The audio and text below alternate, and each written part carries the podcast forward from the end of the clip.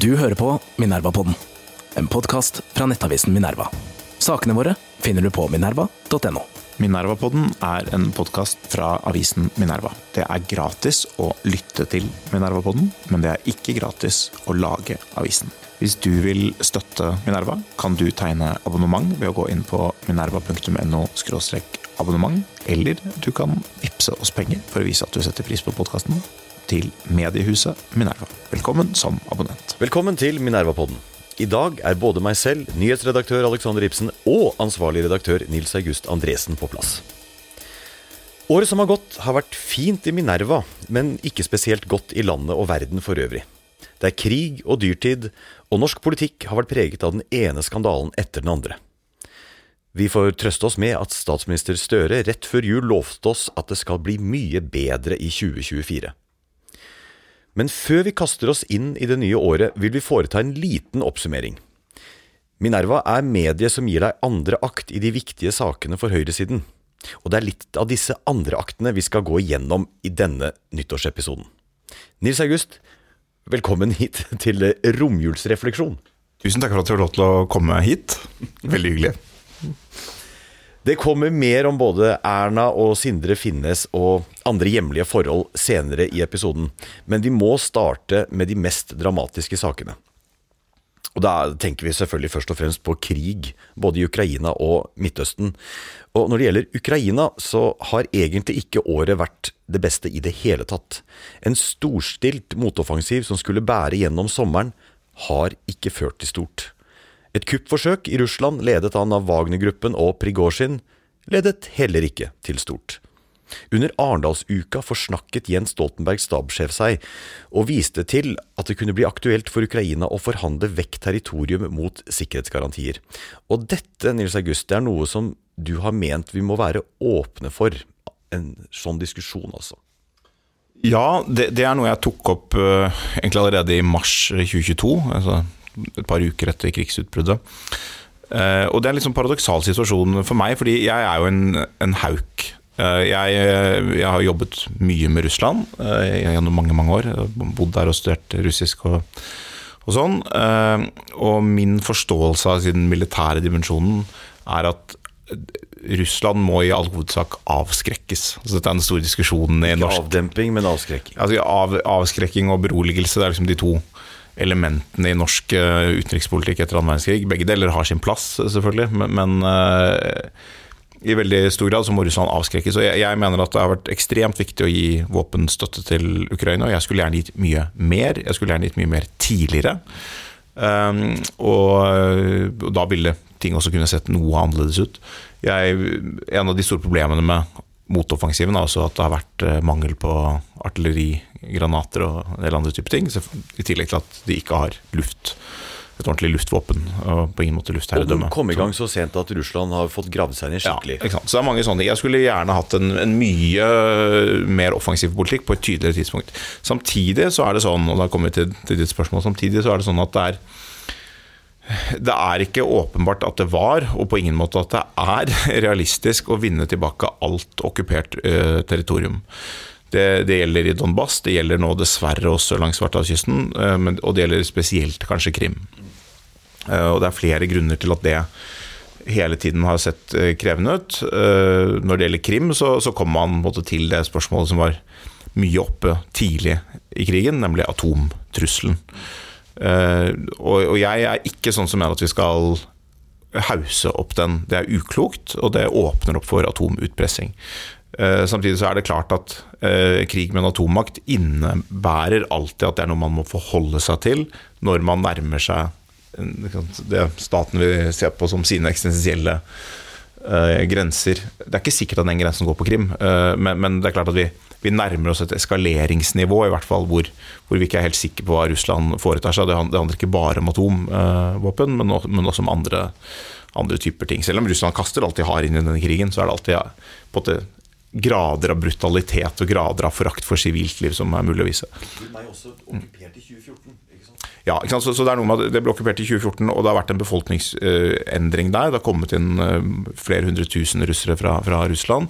Mange ukrainere eller, og ukrainsksinnede eh, har reist ut. Og befolkningen har vært underlagt russisk propaganda i da, snart ti år. Så, så, så, det er noe med å okkupere, gjenerobre et, og gjenerobre et sånt område.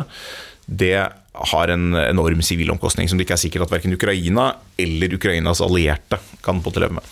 Så, men for å heve blikket litt igjen. Altså det er, for meg har det på det hele tiden vært klart at det aller, aller viktigste eh, som vi må sørge for etter denne krigen, det er at det Ukraina som da eh, kontrolleres fra, fra, Kiev, det må være garantert. Hvis det ikke er og av Vesten. Helst gjennom Nato. Det ville vært mitt ønske, men det er ikke sikkert det er realistisk. Da må vi finne et annet format for en sikkerhetsgaranti som er reell og troverdig, og som utløser direkte vestlig militært engasjement hvis den grensen igjen krysses. Hvis det ikke skjer, eh, så vil dette spørsmålet ikke være løst, og det vil komme til en ny militær konflikt på et eller annet senere spørsmål, eller Ukraina vil underlegges Moskva politisk. Og det er en sikkerhetspolitisk, eh, militær og politisk katastrofe. Og så er på en måte de, de, som har argumentert mot dette synet Jeg var i en, en debatt med da, Michael Tetzschner i, i mars 2022. Eh, eh, det er på en måte at vi, vi, kan aldri akseptere dette at grenser kan flyttes med makt. Hvis vi, vi aksepterer det, har Putin vunnet. Og det er ikke noe dårlig argument, i en viss forstand. Vi har, vi har vært veldig tilbakeholdne etter andre verdenskrig med å akseptere at grenser endres med makt. Eh, men er, for meg så er det vel mer sånn at det er jo også mitt ønske hvis det hadde vært mulig å vinne frem militært uh, innenfor noen realistiske barometere, så ville jeg ønske at vi gjorde det. Og jeg ville vært kanskje mer tilbøyelig enn mange andre til å si at vi burde gjort mer. Altså til og med akseptert uh, vestlig deltakelse i krigen. Men det er ikke realistisk at det skjer. Og, og, når det ikke skjer, så er spørsmålet da, hvis det ikke er realistisk å vinne frem, hva er best? Er det å akseptere en frossen konflikt i lang, lang, lang tid? eller en uavklart grense i lang, lang, lang tid, som også forhindrer en meningsfull sikkerhetsgaranti, eller i hvert fall vanskeliggjør den i ekstrem grad. Ikke helt umulig, kanskje, men, men det vanskeliggjør i hvert fall. Eller er det å få en avslutning på krigen som garanterer et selvstendig Ukraina utenfor en russisk si, kontrollsfære? Og Jeg mener at det siste er det viktigste, og at vi på en eller annen måte må erkjenne at vi ikke lenger lever i den verden hvor vi eh, hvor vi kan opprettholde denne type prinsipper uten store omkostninger. Det har vært omkostninger ved denne, dette prinsippet også før, med masse frosne konflikter som aldri finner sin løsning. Så kan man selvfølgelig si at vi ikke 100 anerkjenner at Krim og, og Donbass og sånn er okkupert av Russland. Vi anerkjenner i teorien som, eh, som ukrainsk territorium, men man, for, av pragmatiske grunner så sier man vi kommer ikke til å foreta oss noen ting for å gjøre det litt sånn som situasjonen var i det delte Tyskland, hvor man aldri Vest-Tyskland anerkjente aldri disse grensene. sånn, men alle visste hvordan det var. Det er mulig å se for seg det, men jeg tror det sentrale er at vi må komme til en situasjon der Vesten kan garantere en reell, eh, en, en de facto ukrainsk grense. Det har jo hos oss, oss vært skrevet uh, i ulike saker som omhandler krigen um, gjennom året som har vært, at dette året, altså 2023, det er det året som avgjør egentlig hvordan noe av de grensene er. Det Ukraina får gjenerobret, er uh, det de klarer i år. Nå er året slutt, og det har ikke vært gjenerobret mye. 2024 blir da året hvor ja, hva da? Hvor våpenhjelp begynner å tørke ut fra europeiske land. Kanskje USA. Eh, det er da Vi har sett Zelenskyj på en det er jo trist å se, men det var jo en ganske desperat turné for, eh, blant, rundt til støttespillere. Så 2024 er da året hvor sannsynligvis dette spørsmålet blir aktualisert for alvor. da. Det blir veldig aktualisert, og det er klart at det, det er også både den andre grensen som, som, ligger her. Det er den amerikanske valgkampen. Det er det som er det avgjørende, og vi vet ikke hvordan det ender. Vi kan komme tilbake til det, kanskje. Den kommer vi tilbake til. Og, og det kan ha stor betydning. Det, det er ikke sikkert, Vi vet ikke helt hva, hva, en ny administrasjon eventuelt vil gjøre heller. Men det er også det som både ligger her, at man kan både sitte her med hva vi mener burde skje, men det avgjøres jo ikke av oss. Det avgjøres eh, andre steder, bl.a. i Washington. Jeg, jeg, eh, jeg syns det er viktig å si at det er Eh, det er ikke sånn at spørsmålet om hvorvidt man skal ha fredssamtaler eller eh, inngå en avtale er opp til eh, bare Vesten og Ukraina. Russland har jo ikke vært interessert for, for praktiske formål, ikke vært interessert i noen avtale, for de ser fortsatt på muligheten for å vinne frem med sine primærmål. Så Derfor er det fortsatt ekstremt viktig å gi våpenhjelp. Og jeg mener at Når våpenhjelpen nå tørker ut fra noen steder, langt fra alle, men fra noen steder, så er det måte, viktig for Norge, som er en aktør som har en, tjent veldig mye penger på denne krigen, å gå foran og bidra. Og, og også på manglende våpenhjelp fra USA i det siste har vært mer begrunnet i en viss forstand i økonomi og i en opplevelse av at USA bidrar for mye, Europa bidrar for lite hos en del republikanere, enn en direkte motstand mot, mot, å gi våpen. Så Norge kunne godt tatt et initiativ her og sagt her er det titalls milliarder, hvis bare Tyskland og Frankrike og Storbritannia følger opp. Eh, og det tror jeg man kanskje må være avhengig, avhengig av å få til noe sånn for å også for å komme i en posisjon til å kunne lage en avtale. Men du har helt rett i at tiden løper i en viss forstand ut. Ikke fordi du og jeg nødvendigvis er eh, krigstrette, men fordi de politiske prosessene i USA og en del EU-land er sånn at eh, det påvirker hvor mye støtte man gir over lang tid ganske endret i 2024 med ja. europaparlamentsvalget. Absolutt. Og ukrainsk politikk også er en faktor her. Så ja. Der er også endringer. Og selv om det ikke er direkte krigstretthet direkte, så er det sant, spørsmål om mobilisering og en del andre forhold som kompliserer bildet litt. Vi går til en annen krig, og det er den som uh, har hatt, fått enorm oppmerksomhet den siste tiden, og det er den som utspiller seg i Gaza. En ting som vi i Minerva tidlig var opptatt av, Eh, da er vi etter terrorhandlingen fra Hamas 7.10, og i, krigs, eh, i krigen eh, som har fulgt etter. Det vi har vært opptatt av bl.a. er hvordan konflikten arter seg i debatten og kulturkrigen i Europa og USA. Altså hvordan den arter seg utenfor Midtøsten, hos oss. Vi var ganske tidlig ute med å bemerke hvordan konflikten kan bane vei for antisemittisme i Europa. Dette er noe alle har fått med seg nå. Eh, med tagging på Furuset som diskuteres i Norge. Eh, det mosaiske trossamfunn eh, er svært engstelig, bekymret for sine medlemmer. Og så har dette vært i enda større grad i andre europeiske land og i USA, hvor det bor enda flere jøder. Vi har jo en, en veldig liten jødisk minoritet. Og en sårbar en, selvfølgelig, fordi den er, er også liten. Um, vi var veldig tidlig ute med å, å høre hvordan uh, slagord under pro-Palestina-demonstrasjonene var uh, antisemittis, antisemittiske i, i, innhold, sånn som ropet om Khaibar Yayahud. Yahud. alle har fått med seg dette siden, men vi ser da en veldig interessant utvikling i kulturkrigen i Europa og USA nå denne høsten? Ja, altså det, det, det har vært tendens til dette si, over noen tiår, hvor uh, krigene i Midtøsten, altså med si, Gaza, Israel, Hamas-Israel, krig i 2008, 2009, 2014 og nå, og flere mindre underveis. Og Hver av disse bølgene har jo ført til antisemittisme og en omdreining i kulturkrigen der Eh, Israel har eh, på en måte hentet mer støtte blant en del type høyrepopulistiske, nasjonalistiske bevegelser, mens Palestina har blitt eh, en, en veldig tydelig sak for venstresiden. Sånn har det jo vært i noen grad men, men, lenge, men det har tilspisset seg litt. Og det er en interessant opp for Israel, er egentlig veldig trøblete utvikling når denne kommer til USA. Fordi i USA har jo støtten til Israel lenge vært tverrpolitisk. I, USA, I Europa har det ikke vært sånn, i USA har det vært sånn. Og nå ser vi en mye tydeligere tendens til at uh, det, demokratiske grunnfjellet uh, går i retning av mindre sympati for Israel. Uh, det er en tendens som har vart lenge, og, og, som krigen på en måte har endret litt. fordi i kjølvannet av terrorangrepet så økte støtten til Israel også blant demokrater. Men det er en langsiktig utvikling som jeg tror denne krigen allikevel bidrar til, selv om den på kort sikt etter 7.10 skapte stor sympati for Israel. Så ser man denne politiseringen, som egentlig er et innenrikspolitisk fenomen. Altså det, det, det, handler selvfølgelig i noen grad om hvordan man forstår konflikten, men det handler også om hvem man vil være. Er vi de, er vi de som uh, mener det samme som Trump? Er vi de som mener det samme som ham eller som henne? Uh, og så plasserer man seg motsatt uh, av dem man ikke liker.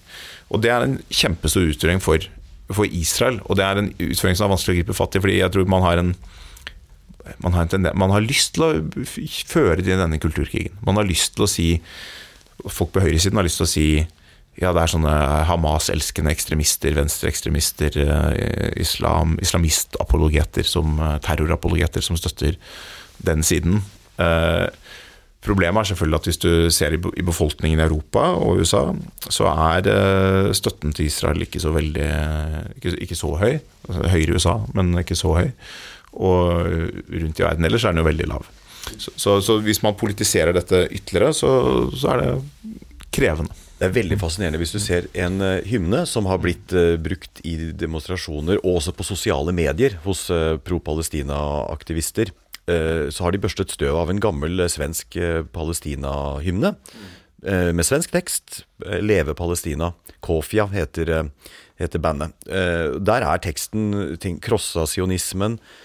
Vi skal bygge opp Palestina til sosialismen, sånne ting. Som, den, den, viser den gamle Palestina-støtten, altså fra 70-tallet.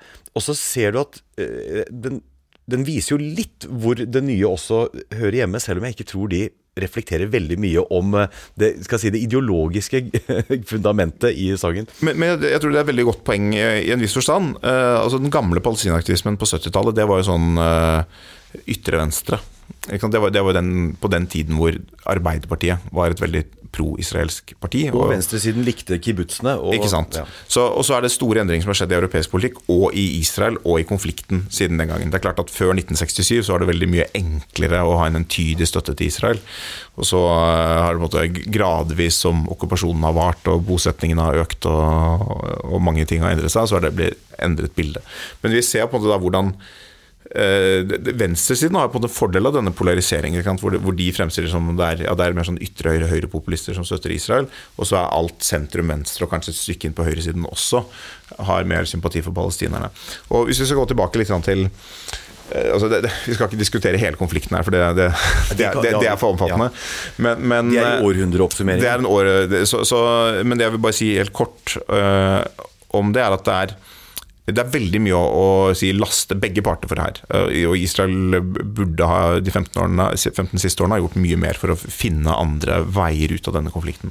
Men det som er likevel er interessant, uh, syns jeg, er på denne forståelsen av denne selve krigen. Altså De fleste land ville reagert militært på et angrep av den typen vi har sett. Og Det, det som skiller dette angrepet 7.10 fra tidligere eh, kriger mellom Israel og Hamas, er den veldig målrettede brutaliteten og gleden over brutaliteten som vi har sett i eh, Palestina, men også andre steder i verden, som nettopp bygger opp under denne antisemittismen som du sa, eller på en måte illustrerer den på en annen måte enn når man bare skyter raketter, holdt jeg på å si. Altså det å gå inn og, og halshugge og voldta og sånne ting, det er, skaper en, en annen eh, psykologisk effekt. Og når den hylles, så, så har det andre årsaker. Mye tydeligere antisemittiske elementer.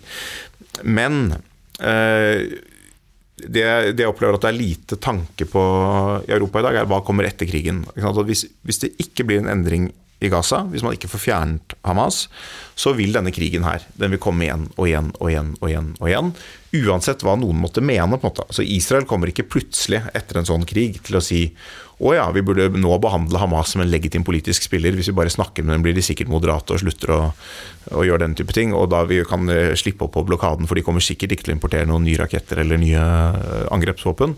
Det kommer helt sikkert ikke til å skje. Og hvis Hamas blir ved makten, vil de heller ikke ha, finne noen annen vei fremover enn den de har hatt de siste par årene. Så, så, så jeg har hele tiden sagt at det er sånn Hvis målet med krigen er å fjerne Hamas for å kunne starte en reell prosess Hamas har brukt som en unnskyldning for at man ikke har kunnet ha noen fredsprosess.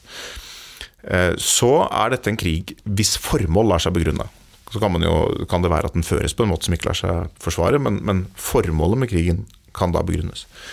Og Den diskusjonen synes ikke å liksom være helt moden i Europa. I USA så snakker man om det på en helt annen måte. Der sier man at dette formålet er legitimt. Eh, det er det man ønsker at skal skje.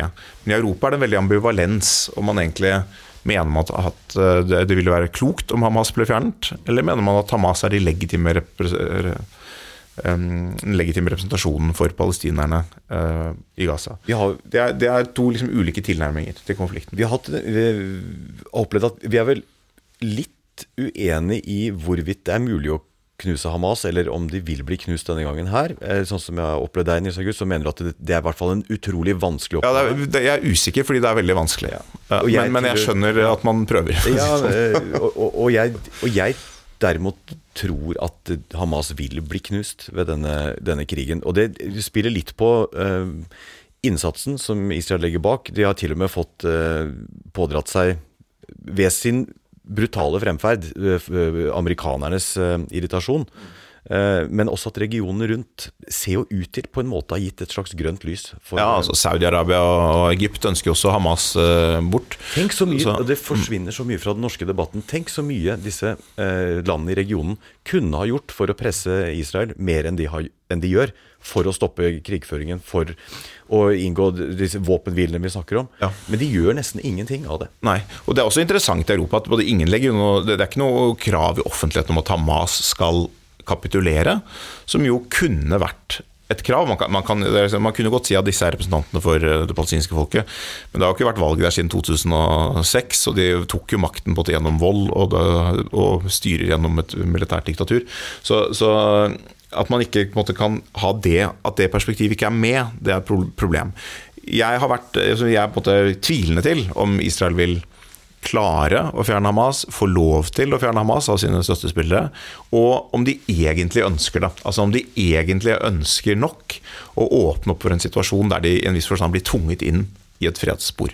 Si, men, Men, ja. men jeg vil bare si en siste ting om det. det er at jeg er eh, jeg er allikevel kritisk til de som sier at ja, man kan aldri fjerne Hamas fordi ideologien vil fortsette å bli styrket gjennom bombing. Ja, det er en viss forstand mulig, men man må huske på at det er egentlig ikke det israelske målet. Det israelske målet er å fjerne Hamas som styringsstruktur. At ideologien fins, det er på en så sin sak. Det gjør den jo på Vestbredden også. Hamas har jo stått sterkere på Vestbredden enn enn i Gaza, i hvert fall til, tider. Eh, Men hvis man får på plass et annet styre, så vil en annen form for prosess eh, og en annen form for styring av Gaza være mulig. Og det tror jeg både Palestina, palestinerne, Vestbredden, Gaza, Israel og regionen har veldig mye å tjene på. Eh, vi nevnte det siste vi tar om, om den krigen og tilhørende problemstillinger, er eh, Vi nevnte dette med, med venstresiden og hvordan det er en forsterket Palestina-bevissthet i store deler av venstresiden. Høyresiden er mer det er mindre høylytt eh, i spørsmålet, særlig de som støtter Israel. Men vi har vel sett litt tegn til eh, at det kommer en viss motreaksjon. Som ikke går nødvendigvis på Israel-støtte, men på irritasjon over eh, Palestina-aktivismen i europeiske land. Da tenker jeg helt konkret på valget i Nederland, som ga oss eh, Det har ikke gitt oss noe Geert Wilders statsminister, og kan godt hende den ikke gjør det heller. Eh, Nederland har jo som Belgia tradisjon for lange regjeringsdannelsesprosesser. De har gått nesten et år uten, eh, uten Det er så mange partier at det er helt uhåndterlig. De har mange partier, og, eh, men der er Gert Wilders ble i hvert fall valgvinner. Mm. Og hvis vi ser på meningsmålingene der, så det stemmer ikke nødvendigvis helt det bildet som ble formidlet i eh, hovedstrømsmedier i Europa, og også i Norge, som var Gerd Wilders vant på at høyrepartiet, altså Mark Rottes parti, eh, begynte å snakke innvandringskritisk. Da gikk velgerne til eh, the real deal, som var Gert Wilders. En gammel traver i, eh, i nederlandsk politikk. Internasjonal kjendis. Meningsmålingene sier jo egentlig at den siste store veksten i Gert Wilders parti under valgkampen kom etter Hamas sitt terrorangrep. Og den kom fra de som hadde til hensikt å stemme på eh, Boer Mm. Altså den Det andre slags populistiske partiet, men som er opptatt av by-land-konflikt. by-land-konflikt og klimatiltak som de var skeptiske til, de rushet til Gert Wilders i siste inn- eh, innspurt.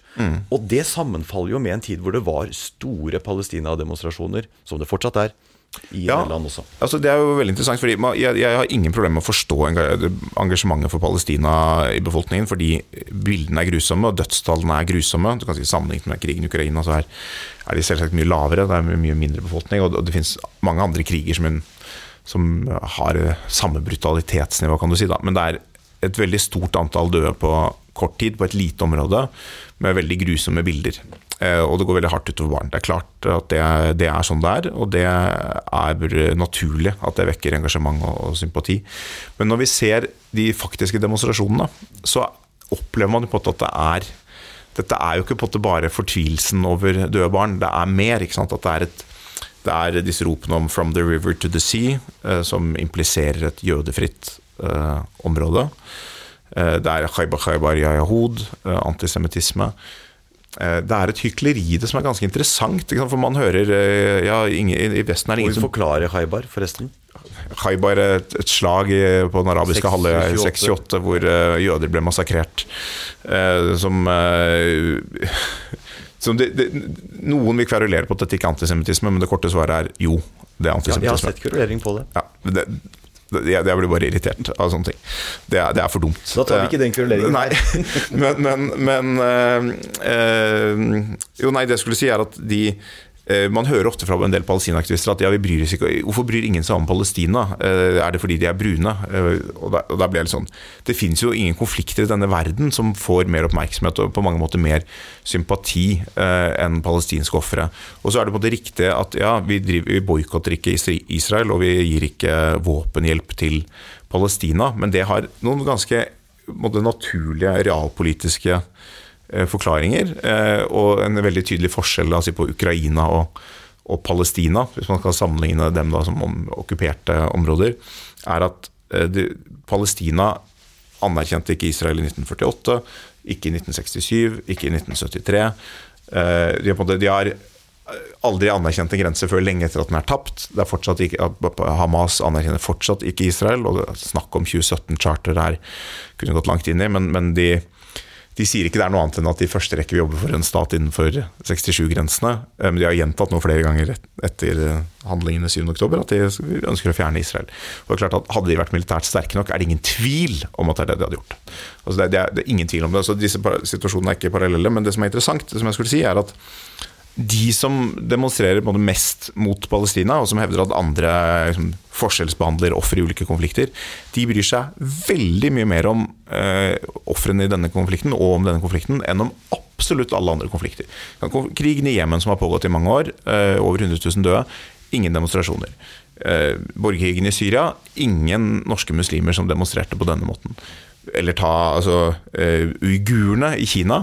Hvor mange norske muslimer har bedt om boikott av Kina? Eller, altså, det, liksom, det er ingen sånne ting. Og så har du på en måte til og med du har, du har, har radikale politikere på, langt på venstresiden som, uh, som, som sier sånn ja, nå må vi sammenligne Palestina og Ukraina, men da har du jo Rødt-politikere, sånn Sofie Aran og andre, som har engasjert seg ekstremt lite for Ukraina. Er det fordi ofrene er hvite? Altså liksom, er, det, er det det som er saken?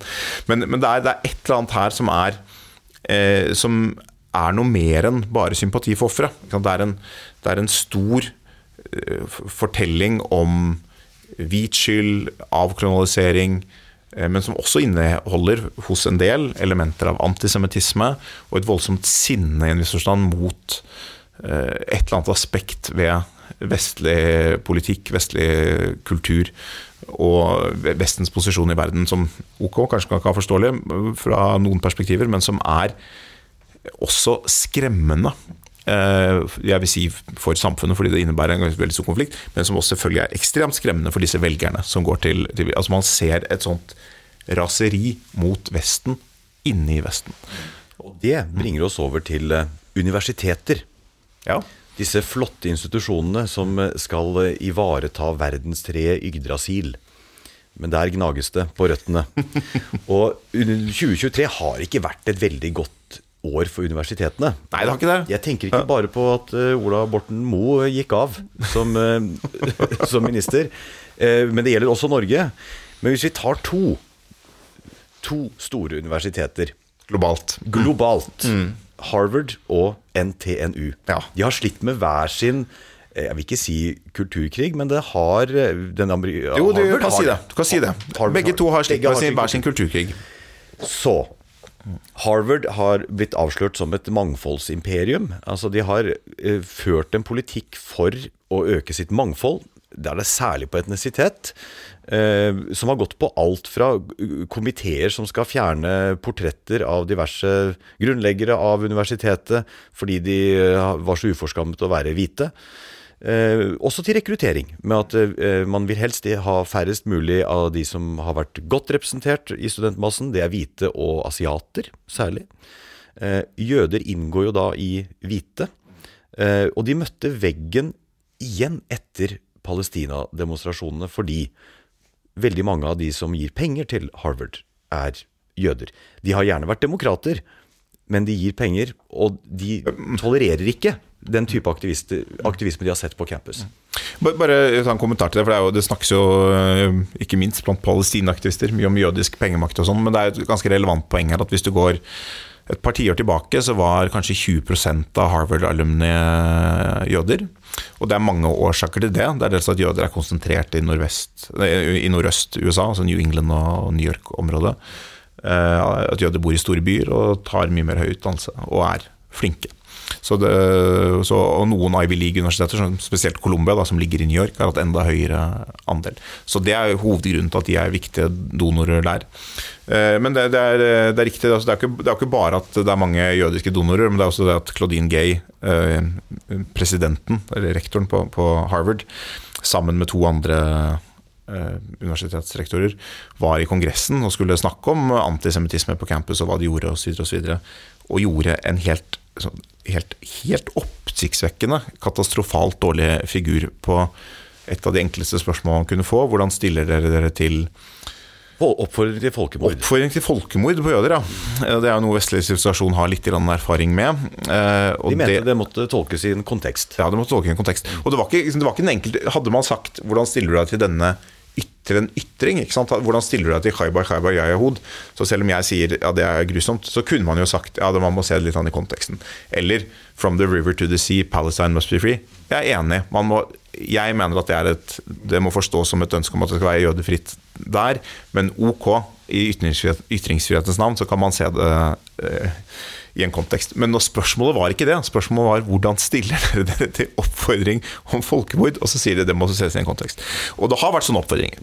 Så, og, og, det har jo svekket Det har på en måte vist frem en hulhet i denne mangfoldsgreia. Fordi dette har vært universiteter, spesielt Harvard eh, som har fokusert veldig mye på safe spaces. At ytringer som truer eh, studentenes eh, mentale trygghet det er uønsket. Og det er jo kjempeproblematisk. Det er masse ytringer som skal være tillatt på campus, og, og helt sikkert en del ytringer som vi vil oppleve som ganske problematiske også i forhold til Israel og, og, og andre ting.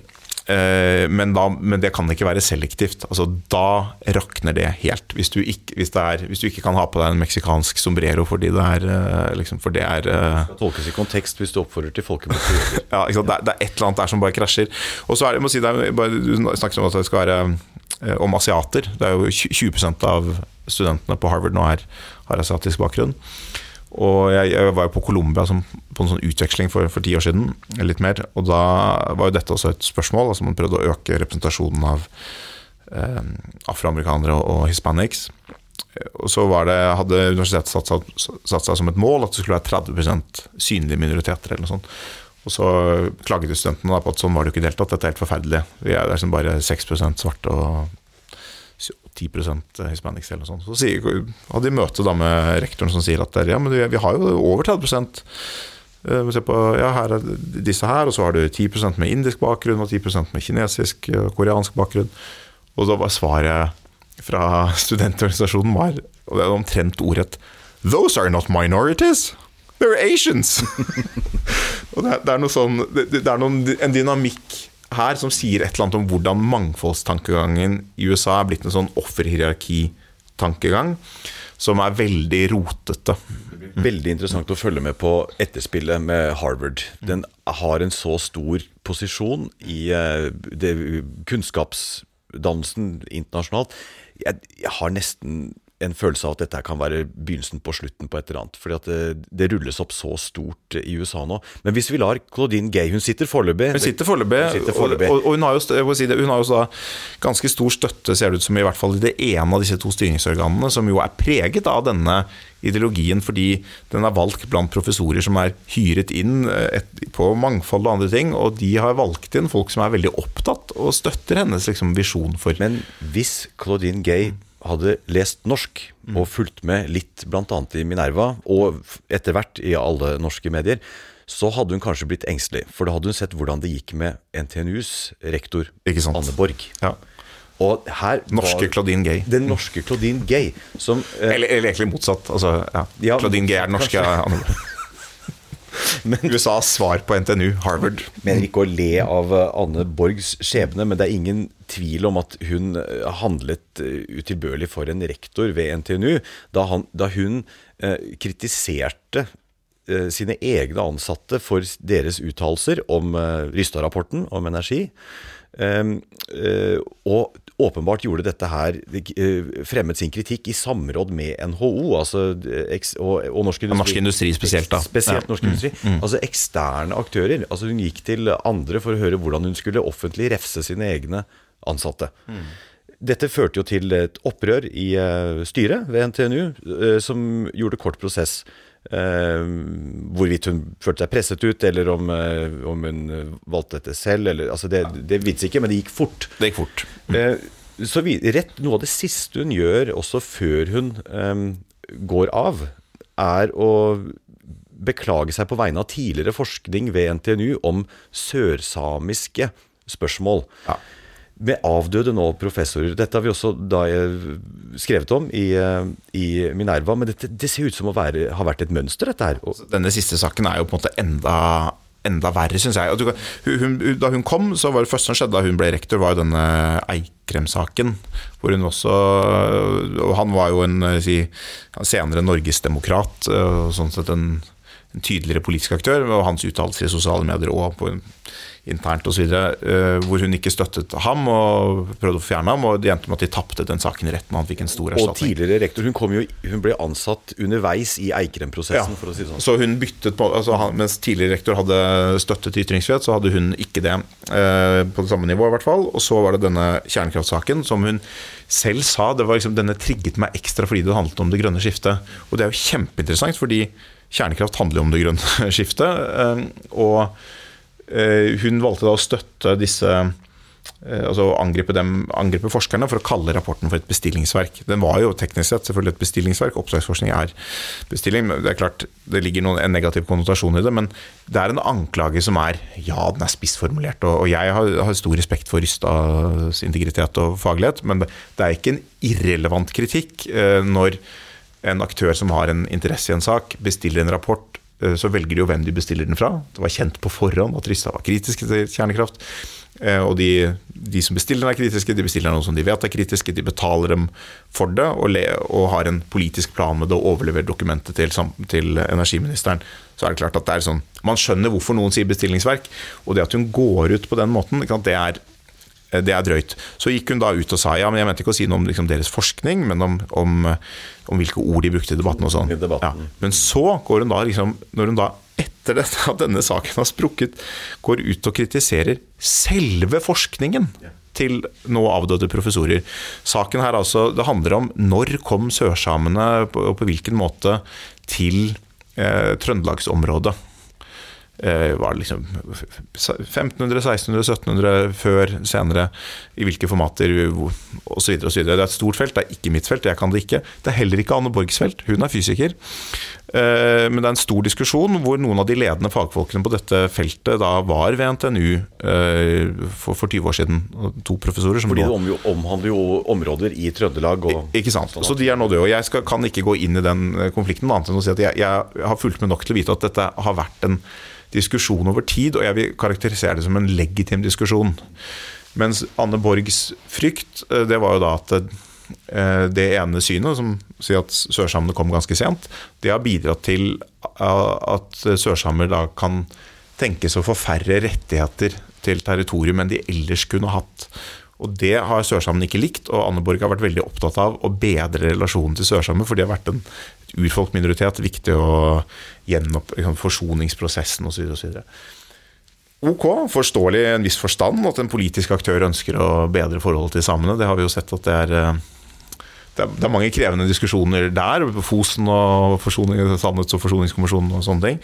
Men for en rektor å gå ut og kritisere forskning fordi hun ikke liker funnene i deres politiske konsekvenser, det er så langt fra ytringsrett som det er, og, fra et akademisk ideal og fra universitetenes funksjon som det er mulig å komme. Eh, Og der ser du på en måte denne likheten da med, med Harvard. Og du ser på en måte to ting som møter hverandre. Det ene er en forstand woke-ideologi, som jeg mener Det er kanskje dårlige ord om en, om en eh, dame av Anne Borgs eh, alder. Hun er på en måte pre-woke, eh, så, sånn sett. Men eh, som kjennetegner også kjernekraftsaken. For kjernekraft har på en måte også blitt sånn merkelig kultur... Kjernekraft har blitt anti-woke. Det har blitt kulturkrig, hvor, hvor de woke de vil ha vindkraft, og, de, og innvandringskritikerne vil ha kjernekraft. Det er jo helt irrasjonelt og absurd.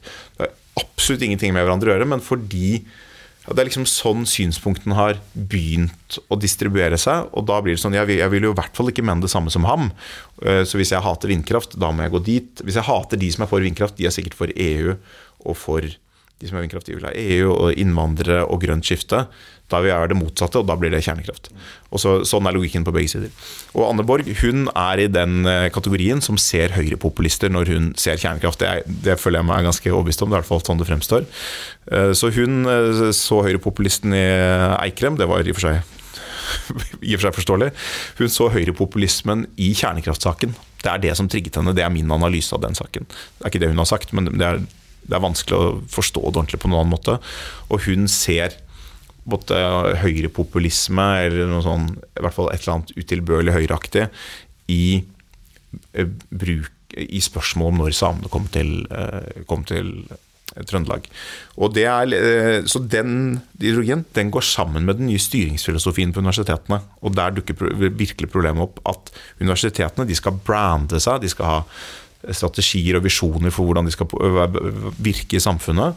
Og det skal jo ikke universiteter ha. Universiteter er fellesskapet av professorer. Jo, selvfølgelig må man, man må ha noen strategi for hvordan man utvikler og sånn, men, men det er blitt en ny ledelsesfilosofi der, ledelsesfilosofi der universitetet skal ledes og styres eh, som, mer som en enhet utad, og det går ikke.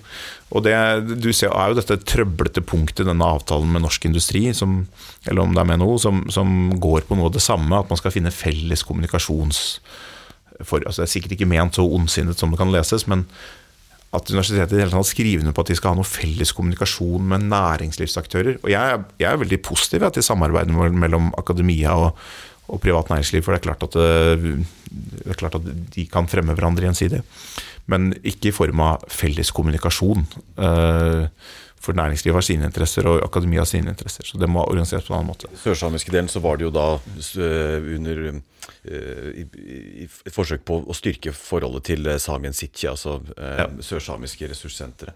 Eh, bare nevne avslutningsvis at eh, om dette spørsmålet her, at det blir jo spennende å følge med på kjernekraft generelt i norsk debatt i 2024. Det gjør det. har jo virkelig begynt å knatre i Geigertelleren eh, etter at eh, norsk kjernekraft har eh, fått skikkelig opp dampen. Sverige eh, går hardt inn for eh, kjernekraft, og det ser jo at stadig flere egentlig eh, begynner å bli eh, nuclear curious Ja. eh, når det kommer til eh, også svar på det grønne skiftet. Men vi må, vi må Jeg må si én ting til. En ting si. Jeg, jeg synes det er så interessant, for jeg, jeg, jeg har alltid tenkt det kan godt hende kjernekraft er litt dyrt. Altså Jeg er i teorien positiv, men kanskje det er litt dyrt. Jeg ville ikke engasjert meg så veldig i det. Eh, Hvis ikke så mange tunge aktører hadde brukt så mye tid på å snakke kjernekraft ned og avvise muligheten for det, helt uten at det egentlig fantes noen eh, kjernekraftplan i Norge. Altså Du har dette lille norsk kjernekraft, ikke så lite da, men altså du har én liten aktør som sier at de har lyst til å gjøre det, og så mobiliserer statsråden og NHO og Norsk Industri og Fornybar Norge og masse aktører som mobiliserer og latterliggjør kjernekraft i sosiale medier, i tradisjonelle medier, i konsulentrapporter, alt mulig rart. Bruker så mye energi på å si 'dette kan vi ikke ha'. Og da blir jeg som journalist og som samfunnsborger litt sånn Dette er litt rart. Dette er veldig rart. Dette må være en Ja, advarsel nysgjerrig. til kjernekraftmotstanderne utenfor. Se hva dere har gjort med Nils August. De må lese seg opp på Barbara Streisand-effekten. Ja. De har prøvd å si ikke se her, ikke kikk bort på reaktorene. Og nå har dere fått Det er, de fått, August interessert. har fått meg interessert. Det er, man får litt sånn føl- føl- følelsen at de, at de har et sånn Se Hør-oppslag med 'Jeg er ikke alkoholiker'.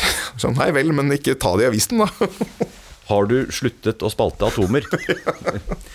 um, norsk politikk uh, denne høsten Vi har hatt uh, tre ting stikker seg ut. Regjeringen Støre klarer ikke å bli populær, det er én ting. Erna måtte ikke gå, selv om eh, du var eh, flink å gi noen samlivstips i både skriftlig form og på debatten om at det kunne jo hende at hun kunne eh, At Sindre Finnes kan ikke flytte, flytte inn i noen statsministerbolig igjen. Og det siste som stikker seg ut, dette er fra vårt perspektiv naturligvis, er at eh, ungdommen ser ut til å ha blitt høyrevridd. Mm. henger disse sammen, kanskje? Alle sammen? ja, det vet jeg ikke helt. Kan, det kunne de selvfølgelig gjort. Altså, hadde regjeringen Støre vært veldig populær, så ville kanskje Erna måttet gå. Jeg vet ikke. Og da ville ikke ungdommen vært så høyrevridd heller, så alt begynner kanskje med Støre. Men eh, nei, Støre klarer ikke å bli populær. Eh, det er også en lang diskusjon, selvfølgelig, men det er, eh, det er jo to ting som skjer samtidig her. Det er krevende politiske forhold med dyrtid og altså, høy inflasjon, høy rente. Hør, nå høres det ut som Støre. Bare... Ja, det er de to tingene som skjer samtidig som regjeringen Støre ikke klarer å Må ikke repetere talepunktet Dette ville han ikke sagt. Vi, ja, Vi klarer ikke å kommunisere troverdig. Uh, han klarer ikke å kommunisere troverdig at han har en plan for krisen, at han skjønner hvordan folk opplever det, og at han klarer å, å ta veivalg på vegne av partiet sitt som peker en retning gjennom det. Og det er klart at Alle disse spørsmålene skjærer på en måte midt gjennom fløyer i Arbeiderpartiet. Uh, hvor hardt skal man styre strømpolitikken? Uh, er det markedsbasert system? Er det ikke det? Kabler, ikke kabler. Er renta for høy, eller er den riktig? Det er LO og og departementet har litt ulike syn på det. Eh, så han klarer ikke å finne en ordentlig vei gjennom det, eller ikke en ordentlig vei gjennom det grønne skiftet, eh, som partiet kan enes om. Og dette er jo nesten, altså Noen av disse stridsspørsmålene går tilbake til makta, som er høstens TV-serie. Det er de samme tingene som har ridd Arbeiderpartiet i 40 år, og i og for seg også splitter Høyre, for dette er spørsmål som nødvendigvis vil splitte de store partiene. For de kan ikke rendyrke helt det ene eller det andre. Men eh, noen, de store lederne klarer å samle partiet bak litt sånn nyskapende kompromisser. Stoltenberg gjorde det. Da ser du, der hvor du, Når det går dårlig, så ser man eh, splittelse og, sprekk, eh, og strekk i laget. Og når det går bra, så sier man du klarer å forene ja. og samle. Nettopp. Det står jo akkurat i samme spagat. Det er bare at det er sentrifugal eh, Det er sentripetalkrefter. Nettopp. Så, og, og Støre har ikke klart det, og han har ikke autoriteten helt internt til å, å, samle, eller til å velge en retning. Hvis Støre hadde valgt en retning, så ville ikke partiet nødvendigvis stått samlet bak det. Og da, og da, hjelper det ikke at han Det er ikke det at han nødvendigvis er i stand til å fatte beslutninger sånn for sin egen del, men er, han er ikke i stand til å forene partiet bak det. Så det, det tror jeg er det ene der. Og også, Erna? Altså jeg mente, Mitt hovedpoeng var jo egentlig ikke at hun uh, måtte skille seg, selv om noen leste sånn. Det var mer at jeg mente og mener at det er ubehagelig å tenke på at Sindre Finne skal flytte inn i statsministerboligen etter de tingene han har bedrevet der. Det hørtes enda skitnere ut enn det var, kanskje, men, men, men uh, naturlig konklusjon på det var jo at Erna ikke ville stilt igjen. Og så er årsaken til at hun ikke, uh, ikke trekker seg, uh, jeg tror rotårsaken altså Det er klart at Erna er, er glad i makt, og hun er glad i å få makt og holde på makt. Men jeg tror at hun Hun er ganske god på det òg. Hun er ganske god på det òg. Jeg, jeg 20 år som Høyre-leder og Ikke sant. Jeg tror likevel at hun kunne vært villig til å trekke seg i og for seg både etter valgnederlaget i 2021, det var et valg hun tapte, Høyre ikke gjorde noe veldig godt valg. Eh, og nå 20 helt på tampen av valgkvelden. Ikke sant? Over 20 ja. ja. Men jeg, jeg, tror hun kunne vært villig til å trekke seg da. Og nå, hvis hun selv hadde opplevd at det finnes en god arvtaker. Og jeg skjønner hvorfor hun opplever at de ikke gjør det. Altså, Torbjørn Røe Isaksen en tidligere Minerva-redaktør og venn, venn, av oss, for å si, si, si det for uh, skyld. Uh, han uh, trakk seg jo fra politikken og er ikke aktuell for å komme tilbake. Ine Eriksen Søreide, igjen som du har jobbet for tidligere. inntrykket der er vel at hun ikke ønsker. og så er inntrykket er at Erna oppfatter øvrige aktuelle kandidater, som Henrik Asheim og kanskje Tina Bru, som for uerfarne eller for lette. Eh, og det er det også mulig å forstå. Samtidig så er det sånn at eh, det mener jeg at Når du har sittet som leder i 19 år, så vil enhver arvtaker synes for lett. Ingen kommer med 19 års pondus eh, til en ny jobb. Så en ny leder vil alltid måtte få lov til å få noen år på å bygge seg opp i den rollen. Og det kan hende man på veien taper et valg. Det gjorde Erna i 2005 og i 2009. Og, og eh, er det noe annet tidspunkt som nødvendigvis er mye bedre? Det er ikke åpenbart. Altså, når, er et godt tidspunkt for et sånt skifte?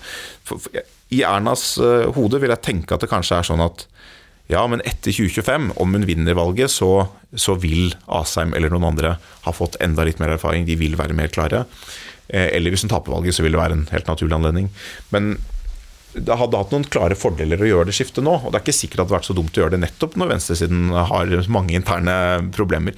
For jeg tror Høyres vekst har jo det har ikke, Nå etter valget i 2021 så har ikke Høyres vekst vært eh, utelukkende basert på geniale policyforslag som Erna har frontet gjennom en offensiv kommunikasjonsstrategi. Det har også vært Arbeiderpartiets svakhet. Ungdommen har blitt høyrevridd. Altså, dette er skolevalgsresultatet som egentlig er en av de mer interessante utviklingene etter valget. Eh, vi eh, så en høyrebølge i den forstand at nå er det de fleste kommuner i Norge har eh, Høyre i styret. Um, de, de, jeg tror det er 66% av Norges befolkning bor i høyrestyrte kommuner. Da, da trekkes jo svære så Oslo og sånn drar jo dette veldig opp.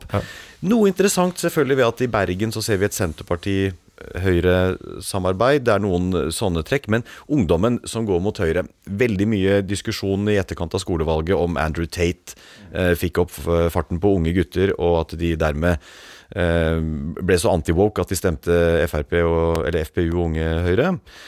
Eh, vi har vel også Vi har vel egentlig mer sett på det som at det, det er en høyrebølge trolig i samme type som det var på slutten av 80-tallet, når man hadde de første skolevalgene. Ganske likt resultat, hvis man tenker på blokkfordeling.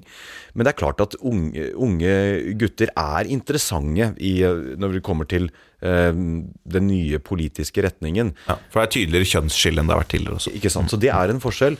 Ja, Andrew Tate og sånn kan inngå i en i en sånn matrise til en viss grad, helt sikkert. Uh, unge folk stemmer hvis det er LOL også. Uh, men, men, her er det Vi må vel tenke på at uh, unge mennesker ser et, de, de, gjenkjenner ikke de gamle kampene fra venstresiden. Jeg tror det er noe der. En ting er selve skolevalgsresultatet, det kunne man forklare på mange forskjellige måter.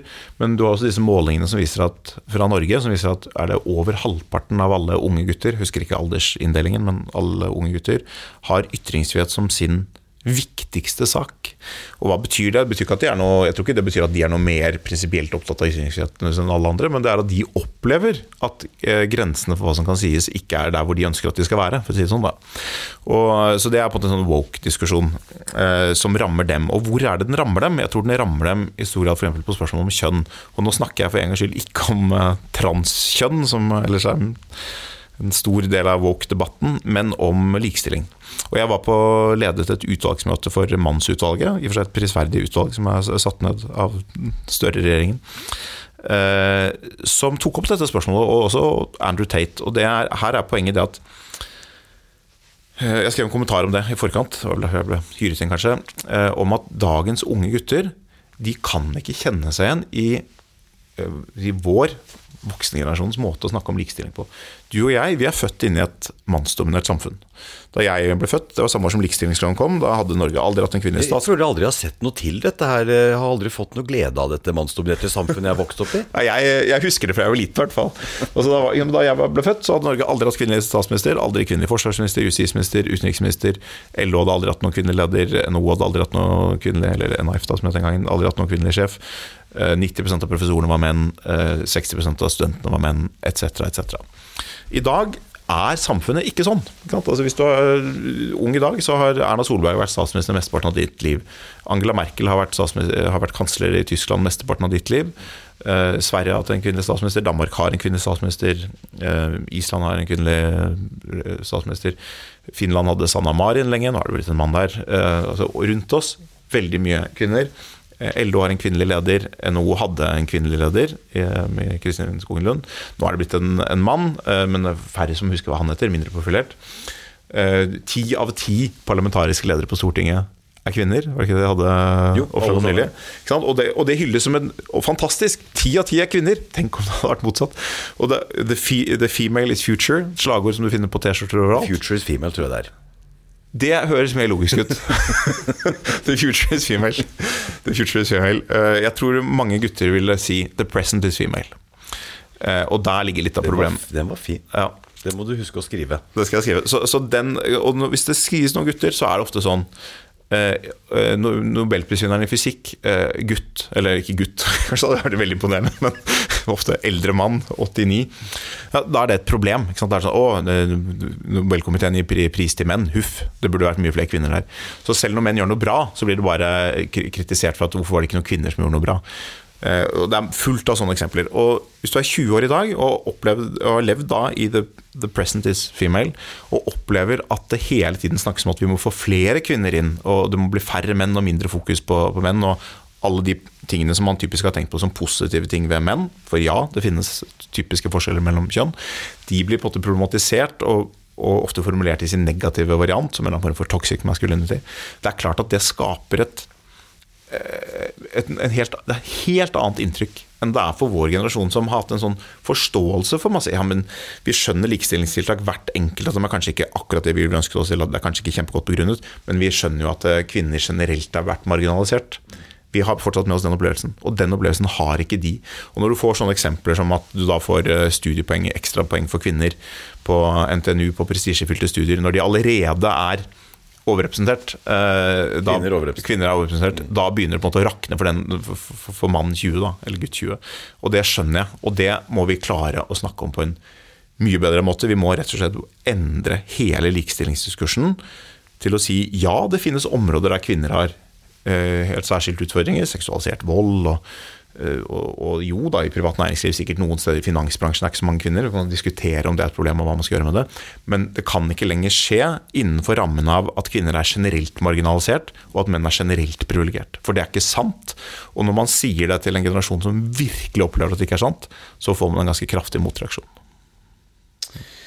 Det er mye vi burde ha dekket som vi ikke rekker, men eh, noe sier meg at 2024 kommer til å inneholde mye gode debatter vi går eh, inn på. Jeg tror avslutningsvis eh, så har vi jo vanligvis de kjappe. Prøve å holde dem så kjappe som mulig. Spørsmål eller påstander. Spåkule 2024. Mm. Første er da Høyre fortsetter å dominere på meningsmålinger. Ja, jeg, jeg går for nei. Jeg går for ja, jeg, da. Ja. Nettopp fordi du har jo akkurat beskrevet denne høyrebølgen. Den virker jo så troverdig. Disse ungdommene skal jo begynne å svare på meningsmålinger, de òg. Ja, de skal det, men det tar tid. Men eh, jeg tar nei fordi jeg liker å være kontrær, da. Jeg skjønner jo at spørsmålet, eller at påstanden fremmes. Jeg tenker at eh, Jo nærmere man kommer et valg, jo mer jevner sånne ting seg ut. Og Arbeiderpartiet gjør det katastrofalt dårligst. Jeg har beskrevet hvorfor Støre er en svak leder og, og, sånn. Men på et punkt så pleier det å nå bunnen og gå litt opp igjen. Så jeg tenker at uh, Høyre går litt ned, Arbeiderpartiet går litt opp. Du tenker Høyre er fullmobilisert, og ja. Arbeiderpartiet er så lavt at de, de, kan jo bare gå oppover? Omtrent. Ja, altså det, plutselig så krasjer de ned på 5% men det er det jeg tenker. Og så tenker jeg kanskje at lederspørsmålet i Høyre har gjort det gjort Høyre litt mindre dominerende Litt mindre sånn her er det ordning og reda, og vi dominerer på borgerlig side. Litt mindre av det. Så Høyre litt ned, Venstre litt opp, Arbeiderpartiet litt opp. Vi får snart fasiten, får vi se hvem som hadde rett. Mm. Eh, nummer to. Vi begynner for alvor å se at woke går mot slutten. Du er for, som vanlig for optimistisk. Eh, ja, for jeg Alexander. tenker at det, ja. nå går det nedover. Ja, jeg tenker at uh, woke har nå i hvert fall uh, Det er færre som sier woke fins ikke, enn det var før. Det er bra. Motstand mot å mobiliseres litt mer, det er også bra. Og på noen toppuniversiteter kommer vi til å se kanskje litt reaksjoner. Men jeg tenker at eh, sånn, marsjen gjennom institusjonene den kommer til å fortsette. Fordi de som har gått på universiteter, spesielt i USA, men delvis også i Norge, eh, de siste ti årene de er nå på vei ut i arbeidslivet som konsulenter og byråkrater og alt mulig rart. Og, og, kommer til å innføre masse sånn diversion equity inclusion-programmer eh, på et sted, arbeidssted nær deg jeg, jeg, jeg, er veldig redd for at du har rett, men jeg får holde på at jeg tror det er ja, Men, men på toppnivå i debatten, så kanskje peacock. Ja, så, vi, så det, det, fortsetter uten at vi snakker om det? Ja, det fortsetter, også, det fortsetter litt, men, men vi er kanskje over toppen på strukturelt nivå. Kanskje. Få ta den siste her, da. Trump vinner presidentvalget i USA. Ja, altså Det er selvfølgelig mulig. Eh, jeg tenker Det er så mange jokere der, og jeg har et så sterkt håp og ønske om at det ikke skal gå sånn. Og jeg tenker sånn, det er alt fra sånn Både Trump og Biden kan dø, de er gamle menn. Til han kan bli satt i fengsel, til Biden kan trekke seg som kandidat, eller noen andre kan komme. Det, vi er liksom på det litt tidlig. Det er så veldig spesiell akkurat dette valget. Eh, og da er vi litt for tidlig til at jeg tør å egentlig spå. Pluss at plutselig så går inflasjonen i USA ned, eller det, det, gjør den. Inflasjonen går litt ned, og ting går litt bedre i økonomien. Så jeg setter meg på en undecided på den.